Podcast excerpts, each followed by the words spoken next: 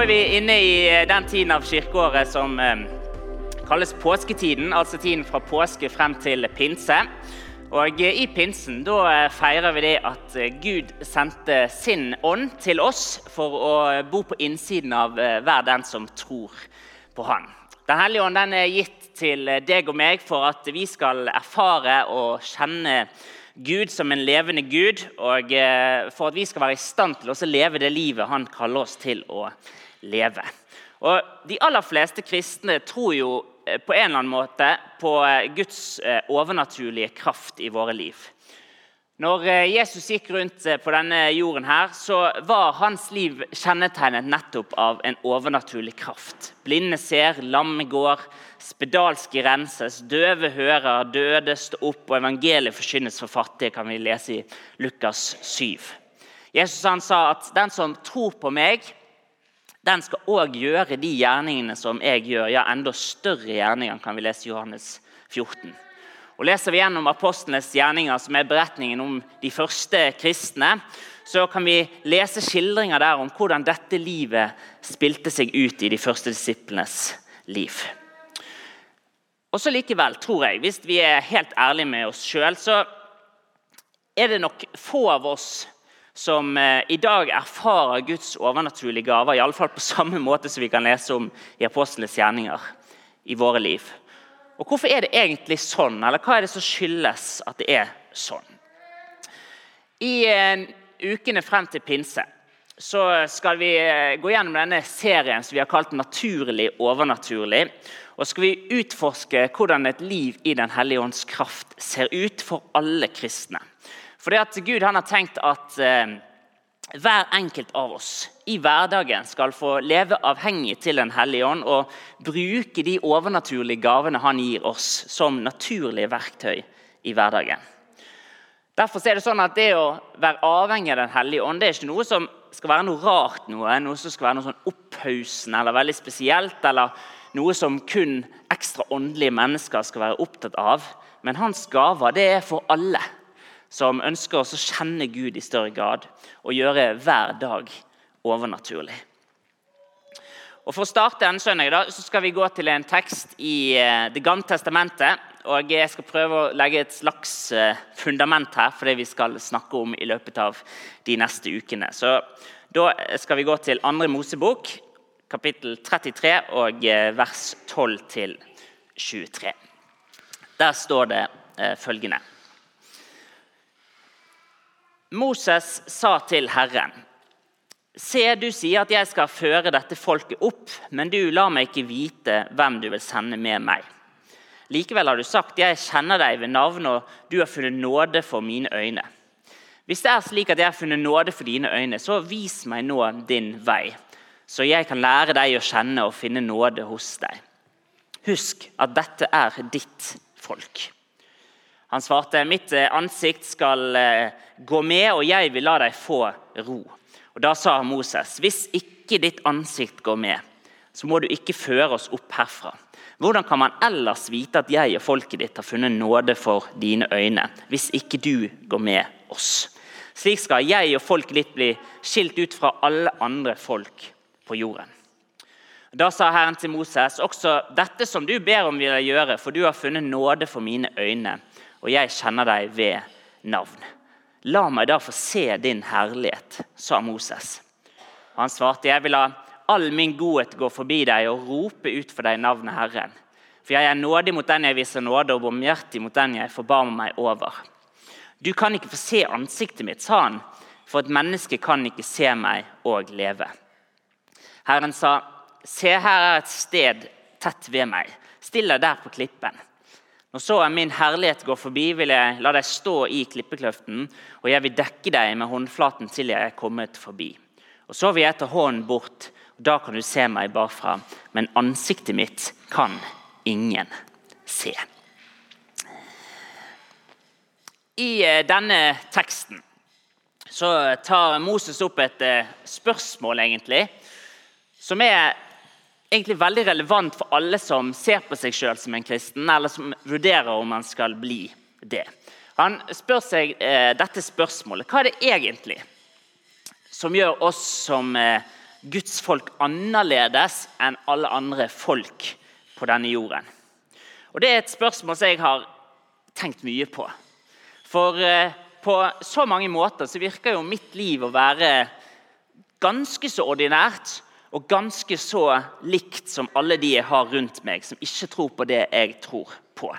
Altså Jeg har gått på skole og tatt utdanning, sånn at jeg kan ha en jobb og kan ha en karriere. Så går jeg på jobb hver dag, for da kan jeg eh, ha lån, så jeg kan kjøpe bil og bolig. Og så sparer jeg penger i banken fordi jeg har lyst til å ha det bra som pensjonist. Og så har jeg kanskje lyst til å kjøpe den hytten, jeg òg. Og så går jeg på Satsen og så trener jeg der, slik at da kan jeg se bra ut på stranden i Syden, jeg òg. Og så går jeg på butikken og kjøper nye klær, for jeg vil jo jeg òg at du skal synes at jeg er kul. Og så lever jeg mitt liv egentlig på akkurat samme måte som alle andre. Så hva er det da egentlig som gjør mitt liv annerledes nå som jeg er en kristen? Altså Handler det om etikken min? Ja, kanskje. Men det er jo òg mange andre som mener det samme som meg i etiske spørsmål, som òg ikke tror på det som jeg tror på. Handler det om livsstilen min? Ja, kanskje. Men ser jeg objektivt på det, så er det jo veldig mange andre som ja, lever ganske likt som meg, men ikke tror på Gud. De går kanskje bare på et museum eller på en konsert eller ute i naturen for å oppleve noe av det jeg opplever i kirken.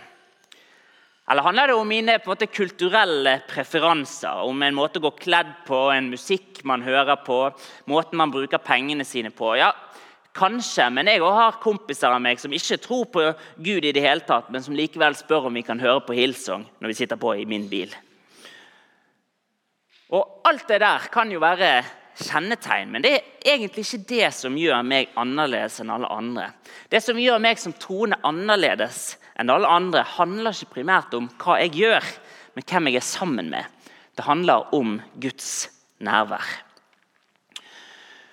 Og Når vi snakker om Guds nærvær og Guds kraft som vi skal snakke om i denne serien, så snakker vi egentlig hvis vi skal si det veldig enkelt, bare om å være nær til Jesus.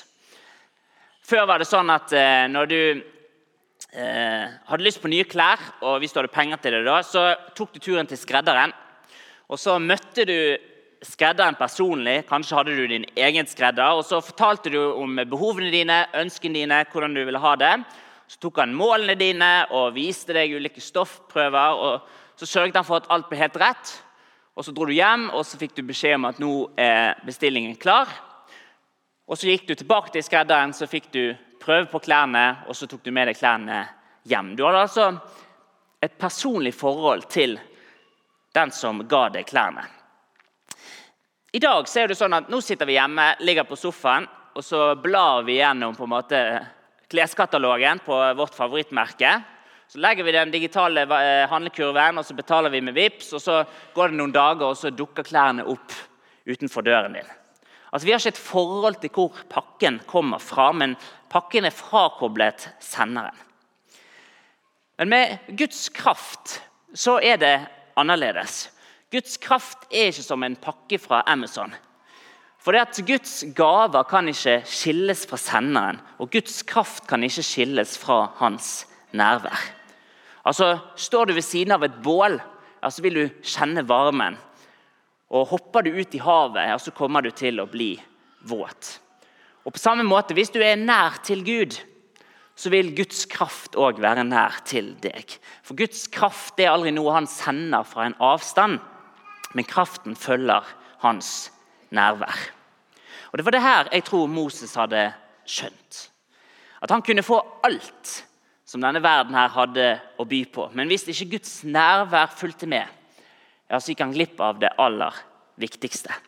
Og Hvis du følger med nå de neste minuttene, så skal vi se hvorfor dette med Guds nærvær var så viktig for Moses.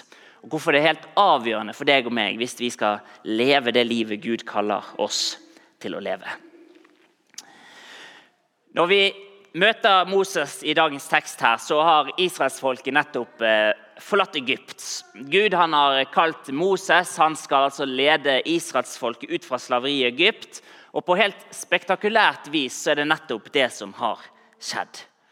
Nå er altså israelsfolket på vandring ute i ørkenen. og de er på vei til dette landet som eh, Gud har lovet de.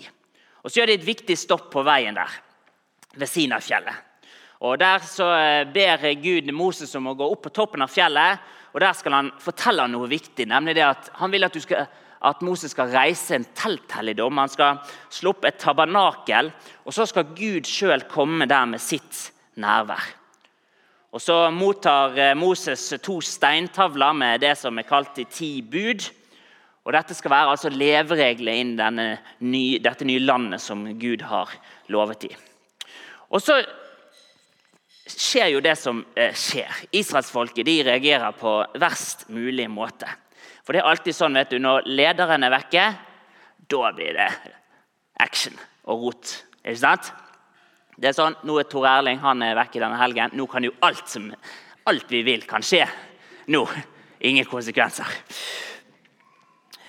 Så israelsfolket, mens Moses er oppe på fjellet der, så samler de sammen alt det de har av gull og smykker. og Så smelter de det sammen, og så støper de en gullkalv. og Så plasserer de denne gullkalven på et alter, og så tilber de og ofrer til denne gullkalven altså, som sin nye Gud. Og Det som skjer videre, det er veldig interessant. Fordi at Gud han blir jo forståelig nok eh, irritert på folket for det de har gjort. Så Moses han havner i en slags sånn forhandlingssituasjon med Gud om hva som nå skal bli veien videre. Og I begynnelsen av kapittel 33 som vi leser fra i dag, så kan vi lese at Gud sier dette. Dra bort herfra både du og folket du har ført opp fra Egypt, til landet som jeg med ed lovet til Abraham og Isak og Jakob da jeg sa, jeg vil gi det til din ett. Jeg vil sende en engel foran deg og drive ut kananeerne, amorittene, hetittene, peresittene, hevittene og jebusittene og hele gjengen. Dra opp til det landet som flyter av melk og honning. Her har de alt. Men jeg vil ikke dra opp med deg for du er et stivnakket folk. Ellers kunne jeg fortære deg på veien.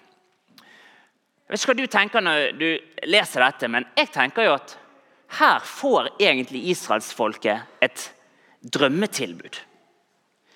Her tilbyr Gud de hele pakken. All suksessen, alle godene, alle løftene som han har lovet de, uten å stille noe forpliktelser og krav tilbake. Det er altså ingen religion, det er bare velsignelser. Gud tilbyr de alle godene uten forpliktelse som medfølger at han er nær. Altså De aller fleste mennesker ville jo tenkt at dette må jo være drømmereligion. Og Det er litt verdt å stoppe opp ved. For hvis vi kunne få alle Guds velsignelser, men uten hans nærvær, ville vi da tatt det? Og Er det kanskje litt sånn vi av og til lever våre liv? med en sånn tilværelse, i Guds velsignelser, men uten hans nærvær. Som individer med økonomisk trygghet, stabile familieforhold, god helse, spennende karrierer, underholdende fritidsaktiviteter og lange, gode ferier, men uten hans nærvær. Eller som menighet. Godt fellesskap, fine tradisjoner, inspirerende taler, forhåpentligvis. Et godt tilbud av aktiviteter for store og små, og hjelp til å håndtere livet når livet blir vanskelig. Men uten hans nærvær, eller sagt annerledes, ville vi merket hvis hans nærvær ikke var her. Den amerikanske teologen John Piper han skriver i boken 'God is the Gospel' at det kritiske spørsmålet for vår generasjon og for hver generasjon er dette. Hvis du kunne få himmelen uten sykdom og med alle venner du noen gang har hatt på jorden, og all maten du noensinne har likt, og alle fritidsaktivitetene du noensinne har hatt glede av, og alle de naturlige skjønnhetene du noen gang har sett, og alle de fysiske gledene du noen gang har smakt, og ingen menneskelig konflikt eller naturkatastrofer, kunne du være fornøyd med himmelen hvis Kristus ikke var der? Og Moses han har i alle fall bestemt seg. Han sier dette her at hvis ikke ditt ansikt, og ditt ansikt kan også på hebraisk bety ditt nærvær, går med, så må ikke du føre oss opp herfra. For hvordan kan man ellers vite at jeg og folket ditt har funnet nåde for dine øyne, hvis ikke du går med oss. Og slik skal jeg og folket ditt bli skilt ut fra alle andre folk på jorden. Når Moses ber om å få se Guds herlighet, han ber om Guds never i denne teksten, så bruker han et hebraisk ord for herlighet som ganske enkelt betyr at noe veier tungt, eller at noe er viktig, eller at det er av betydning. Og Kanskje var det det Moses hadde forstått. At vi mennesker vi kan ikke leve uten betydning. Vi trenger å vite at vi betyr noe.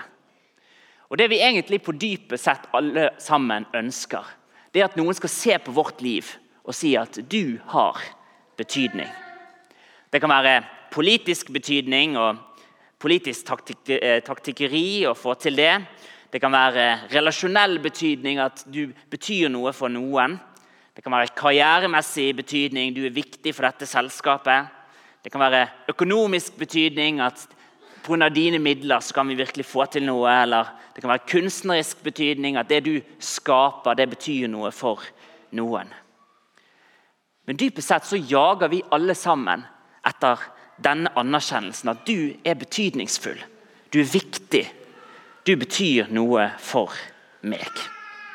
Problemet er bare at eh, alle former for betydning som ikke har sin kilde i Gud, vil til syvende og sist falme og avta.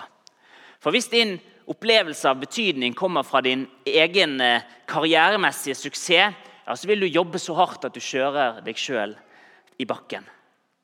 Og Hvis din opplevelse av betydning kommer fra en annen persons kjærlighet til deg, ja, så vil du til syvende og sist legge altfor mye vekt på den personen, og mer enn den personen klarer å bære. Og Hvis din opplevelse av betydning kommer fra hvor mye du kan trene og hvor bra du kan se ut, så tryner du til slutt på langrenn, og så blir du liggende på sofaen med skadet skulder. Og eh, Jeg tror at Moses hadde skjønt dette. Kanskje var det sånn gjennom de erfaringene han hadde hatt i sitt liv.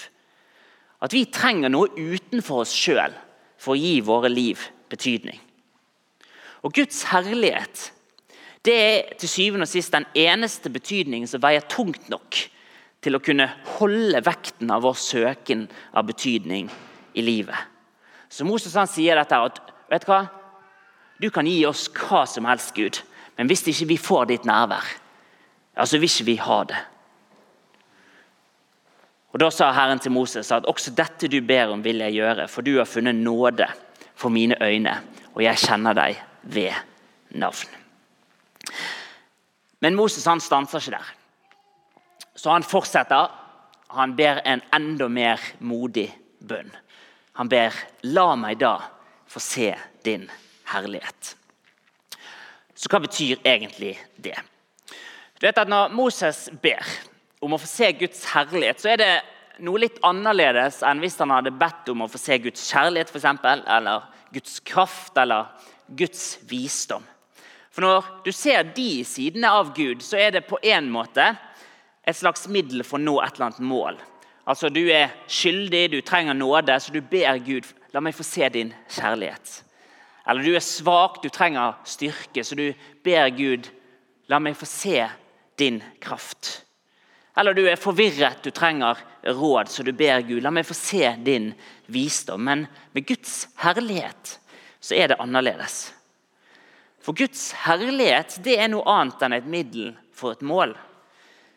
Å se Guds herlighet det er noe annet enn å se han som noe som er nyttig. Men det er å se han som vakker og tilfredsstillende i seg sjøl. Det er å tilbe Gud, ikke for det han kan gi deg, men for, det, for den han er. Når filosofene skal eh, forklare hva en sånn menneskelig erfaring av skjønnhet er, at vi synes at noe er vakkert, så er det to ting de gjerne peker på. Det første det er at eh, man opplever en tilfredsstillelse uavhengig av hva som er formålet. Altså Det er vakkert i seg sjøl, ikke det at det fører til noe annet. Tenk på en vakker solnedgang. Det har vært mange av de den siste uken i Bergen. Og eh, Solen har jo mange funksjoner. Den eh, gir lys på dagen, den eh, gir varme. Det er energi som vi kan nyttiggjøre oss av. Men solnedgangen er vakker, uavhengig av alle disse funksjonene. Det er altså tilfredsstillelse uavhengig av formålet. Og Det andre aspektet som filosofene peker på, det er at man, når man ser noe som er vakkert, eller noe som er skjønt, så fylles du i øyeblikket der av en sånn overveldende mening. Man erfarer noe i øyeblikket som måtte gå over dine egne problemer, dine egne utfordringer, dine egne behov. En slags sånn overveldende følelse av fred der og da. Tenk igjen på solnedgangen. Sant? I øyeblikket der, når solen går ned i horisonten og himmelen fargelegges i rosa, oransje og røde farger, og kanskje stilner vinden, så er det akkurat som i øyeblikket der så blir du bare fylt av en sånn overveldende fred. Og så er det akkurat som at i øyeblikket der så kan du egentlig være der for alltid. Fordi at øyeblikket gir mening til livet her og nå. Grunnleggeren av eh, misjonsorganisasjonen Åpne dører, broder Andreas, han eh, ble en gang spurt hva er hemmeligheten bak alle disse utrolige miraklene som du har sett Gud gjøre i livet ditt. Han hadde levd et risikofylt liv, han hadde smuglet bibler og tatt evangeliet til land og områder hvor det var både eh, ulovlig og livsfarlig.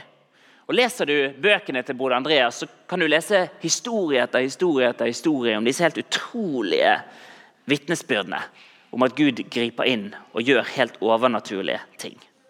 Så Forståelig nok så er det mange som lurer på broder Andreas, hva er det som er hemmeligheten. Hvordan erfarer du dette? Og Hans svar det er både enkelt, men det er veldig dyptgående. Han sier at hemmeligheten er å holde seg nær til Jesus. For Den hellige ånd er ikke et middel for oss å nå et eller annet mål. Altså, Vi ber ikke Gud om å sende sin ånd først og fremst for vi er ute etter hans gaver. Tegn og under, mirakler, helbredelser. Men vi ber han sende hans ånd fordi han er vakker i seg sjøl. Gud er målet i seg sjøl. Og Er ikke det akkurat det som kjennetegner det vi kan kalle vekk vekkelse. Altså disse spesielle erfaringene av at Gud bare øser ut sin ånd på ny. At mennesker på nytt får en erfaring av Guds skjønnhet og herlighet. Altså I disse vekkelsene så er det alltid masse gaver, og fruktene kan man se. og Mange tegn og under pleier som oftest å finne sted. Men snakker du med de som har vært der? Eller leser du om tidligere vekkelser og de som har tatt del i de? Så vil du se at det egentlig først og fremst handler om en sånn fascinasjon. En overveldende beundring av Jesus sjøl. Ikke at man jager helbredelser og de åndelige erfaringene, men at Jesus blir målet i seg sjøl. De som står på utsiden, kan kanskje si at ja, dette var spennende, her skjer det mye greier. og så valfarter vi for å oppleve det, Men er man der i øyeblikket, så er det jo kun én person det handler om, og det er Jesus. Den engelske predikanten Charles Spurgeon han sa det sånn at hvis Jesus er like verdifull for deg som han er for Den hellige ånd, så vil ikke du klare å holde de gode nyhetene for deg sjøl. Du vil hviske det inn i ditt barns øre, du vil fortelle det til din ektemann, du vil oppriktig formidle det til din venn. Uten sjarmen til en veltalende vil du være mer enn veltalende. Ditt hjerte vil tale, og dine øyne vil lyse mens du snakker om hans store kjærlighet. Det kan ikke være en høy verdsettelse av Jesus og samtidig en totalt stille tunge om han. Så vi ber, Herre, vis oss din herlighet. Så Moses han spør, la meg få se din herlighet. Og så svarer Gud at jeg vil la all min godhet gå forbi deg og rope ut for deg navnet Herren. For jeg er nådig mot den jeg viser nåde, og barmhjertig mot den jeg forbarmer meg over. Du kan ikke få se ansiktet mitt, sa han, for et menneske kan ikke se meg og leve. Og Så instruerer Gud altså Moses å stille seg ved en klippe der, og så lar han all sin herlighet gå forbi. Men Moses kan som sagt ikke se Guds ansikt, for da vil han dø. Så når Gud passerer Moses, så holder han oppe håndflaten, og så dekker han til Moses til han er kommet forbi, og så får Moses bare et glimt av baksiden til Gud. Legg merke til i teksten her at det står at Gud vil la all sin godhet, og altså ikke sin herlighet, gå forbi. For ingen mennesker kan se Guds herlighet fullt ut og samtidig leve. Det Gud sier, er altså at det fins en sånn grunnleggende uforenlighet mellom Guds natur og vår natur. På samme måte som ild ikke kan eksistere sammen med vann, så kan ikke Guds uendelige hellighet og vår endelige syndighet eksistere sammen. Så Gud i sin godhet står i et dilemma. På den ene siden så er Gud for god til å ikke være rettferdig. Altså Han må straffe den som er skyldig. Men samtidig så er han altfor god til å ikke være kjærlig, så han lengter etter å få vise sin nåde. Så hva er løsningen? Jo, når Johannes i Det nye testamentet innleder sitt evangelie, så er det nok ikke tilfeldig hvilke ord han velger å bruke. Og Jeg er ganske sikker på at eh, tilhørende da de ville umiddelbart trukket noen paralleller til denne historien om Moses. For Johannes skriver dette at ordet ble menneske og tok bolig iblant oss. På gresk så betyr det 'slå opp sitt telt' eller 'slå opp sitt tabernakel'. Og vi, hva for noe? Jo, vi så hans herlighet. En herlighet som den enbårne sønn har fra sin far. Full av nåde og sannhet. For i Jesus så møter Guds nåde hans sannhet.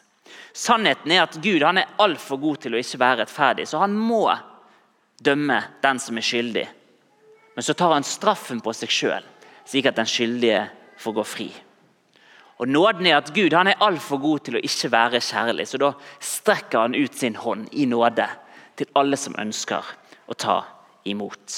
Og på korset så er Guds herlighet på full utstilling. Og Det Johannes skriver, altså, det er at i Jesus så så vi det som Moses bare kunne lengte etter å få se.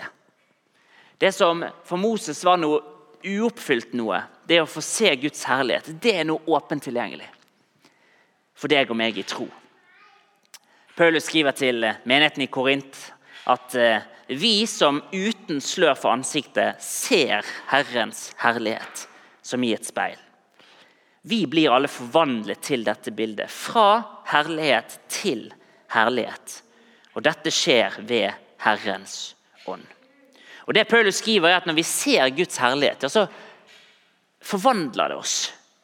For når vi ser Guds herlighet, så opplever vi det som filosofene beskriver som en erfaring av skjønnhet. Dyp tilfredsstillelse. Helt uavhengig av hensikten eller formålet. Og en dyp, overveldende følelse av mening. At her, i dette øyeblikket, kan jeg være for alltid. Og så skriver Paulus at vi ser det i dag som i et speil. altså Det er refleksjoner av noe som er virkelig, noe som er sant. Men det er samtidig ikke ansikt til ansikt. Men det som vi i dag ser i et speil, det skal vi en dag se ansikt til ansikt. Johannes skriver dette her i 1. Johannes 3,2 at mine kjære, nå er vi Guds barn, og det er ennå ikke åpenbart hva vi skal bli. Men vi vet at når han åpenbarer seg, så skal vi bli lik ham, for vi skal se ham som han er. Jeg lengter etter mer av Den hellige ånd. Altså, jeg, har lyst, jeg er litt barnslig, men jeg har lyst til å se masse mer mirakler. Jeg har lyst til å se tegn og under. Jeg har lyst til å se mennesker bli helbredet. Når vi er sammen som enighet, så har jeg lyst til at hans nådegaver skal være i aksjon imellom oss. Men frem, først og fremst, det jeg egentlig lengter etter, er det å se mer av Jesus. Se mer av hans skjønnhet. Se han som nok i seg sjøl. Ikke som et eller annet middel mot et mål, at han skal gi meg et eller annet. men for den han er. Og Når jeg ser han på den måten, vakker, full av skjønnhet, ja, så tror jeg at da kommer jeg til å oppleve en sånn overveldende følelse av mening. Og ikke det er det vi alle sammen lengter etter. Og det er det som på dypet forvandler oss. Vi ber en bønn.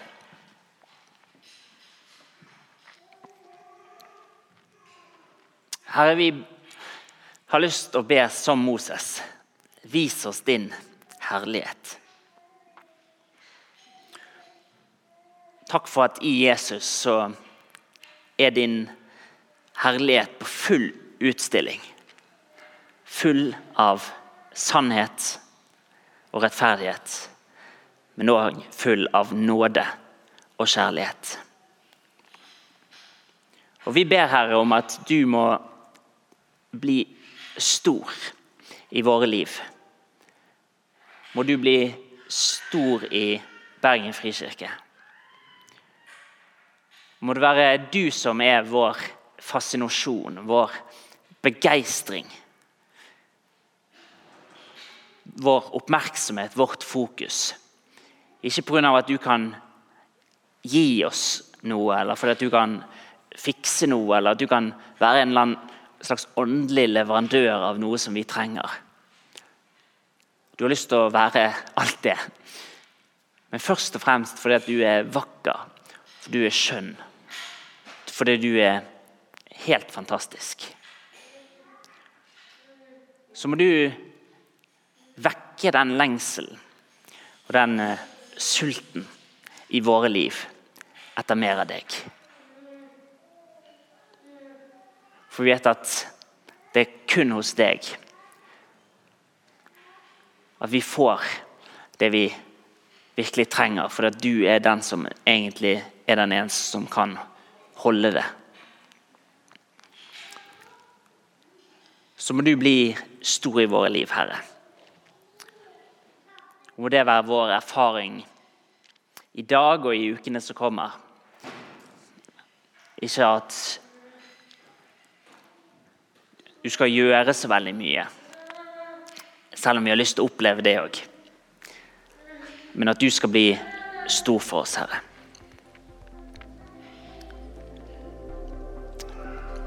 Det ber vi om i ditt navn.